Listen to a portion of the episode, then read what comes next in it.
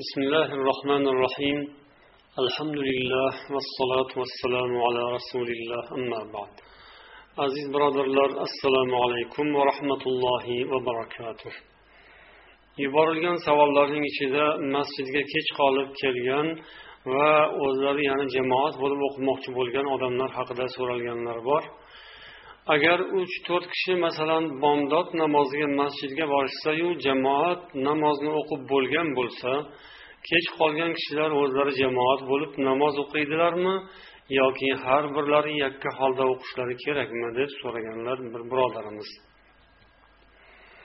Al bahru roiq sharhu kanzi daqoiq kitobida yoziladiki رجل دخل مسجدا قد صلى فيه أهله فإنه يصلي بغير أذان وإقامة لأن في تكرار لأن في تكرار الجماعة تقليلها bir odam masjidga kirgan bo'lsayu masjid ahli namozni o'qib bo'lgan bo'lsalar u odam azon va iqomat aytmasdan namozni o'qiydi chunki jamoatni takrorlash yana qaytadan jamoat tuzishda jamoatning kamayishiga ta'sir bo'ladi.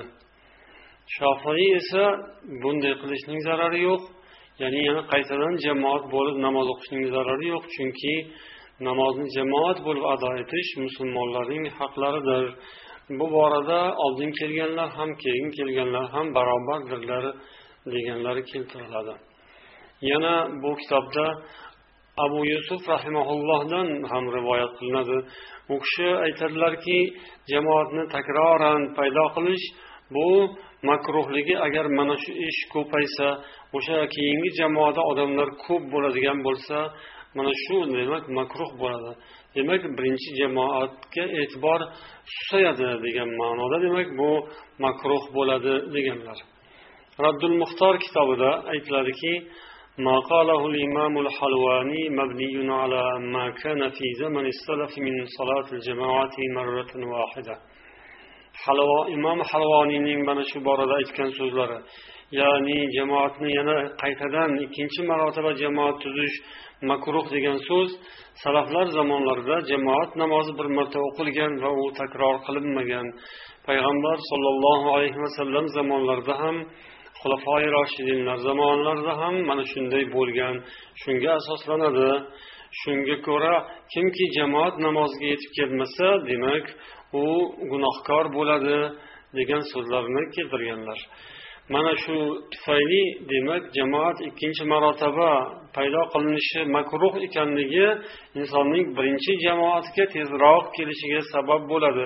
Demak har bir musulmon namozni jamoat bilan o'qishga harakat qilmog'i va o'sha birinchi jamoatga yetib kelishga jiddiy intilmog'i lozimdir deganlar va yana oxirida aytadilarki أن الصحيح أنه لا يكره تكرار الجماعة إذا لم تكن على الهيئة الأولى demak sahih qavul shuki jamoat ikkinchi marotaba tuzilishi makruh bo'lmaydi agar yuqorida aytilgan holat yuzaga kelmasa ya'ni odamlar jamoatga suskashliklari ziyoda bo'lmasa qaytadan jamoat bo'lib namoz o'qish birinchi jamoatga yetib kelishdan demak odamlarning suskashlik qilishlariga sabab bo'lmasa demak joizdir payg'ambarimiz sollallohu alayhi vasallamdan bo'lgan rivoyat abu davud va ahmad rivoyat qilgan hadislarida abu said hudriy roziyallohu anhu aytadilar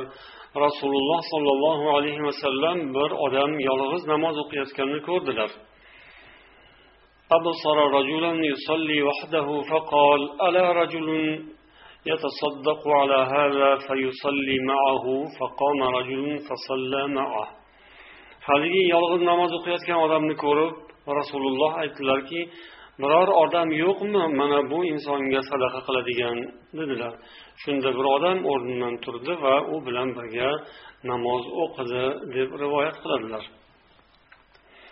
yana imom termiziy rivoyat qilgan hadislarida rasululloh sollallohu alayhi vasallam ayyukum yattajiru ala hada dedilar. Qaysi biringiz mana bu inson bilan tijoratga kirishadi dedilar. Shunda bir odam o'rnidan turib u odam bilan namoz o'qidi birga. Demak bu yerda ham jamoat namozidan kech qolgan odam haqida so'z ketyapti. Rasululloh sollallohu alayhi vasallam o'sha kech qolgan odam o'zi yolg'iz o'qiyotganini ko'rdilar va boshqa yana bir inson shunga iqtido qilib namoz o'qishiga targ'ib qildilar. Shu bilan unga ham jamoat savobi hosil bo'ladi. Degan iborani tuhfatul ahfaziy kitobida qaysi biringiz mana shu inson bilan demak tijoratga kirishganday savob hosil qiladi? Uning savobiga sherik bo'ladi xuddi tijorat qilib sherik bo'lib undan daromadi demak ko'paygandek daromadiga sherik bo'lganidek ya'ni biror bir tijoriy ishda sherik bo'lsa uning daromadiga ham demak nasibador bo'lganidek bu borada ham jamoat namoziga sherik bo'lsa uning savobiga ham sherik bo'ladi deganlar demak yuqoridagi qavullardan so'zlardan kelib chiqib xulosa qilishimiz mumkinki masjidga demak yalqovlik qilib beparvolik bilan kech qolib yana boshqa jamoat tuzib o'qishlik makruh ammo uzr bo'lib kelgan bo'lsalar odamlar demak jamoat bo'lib o'qishlari durust vallohu alam سبحانك اللهم وبحمدك أشهد أن لا إله إلا أنت أستغفرك وأتوب إليك والسلام عليكم ورحمة الله وبركاته.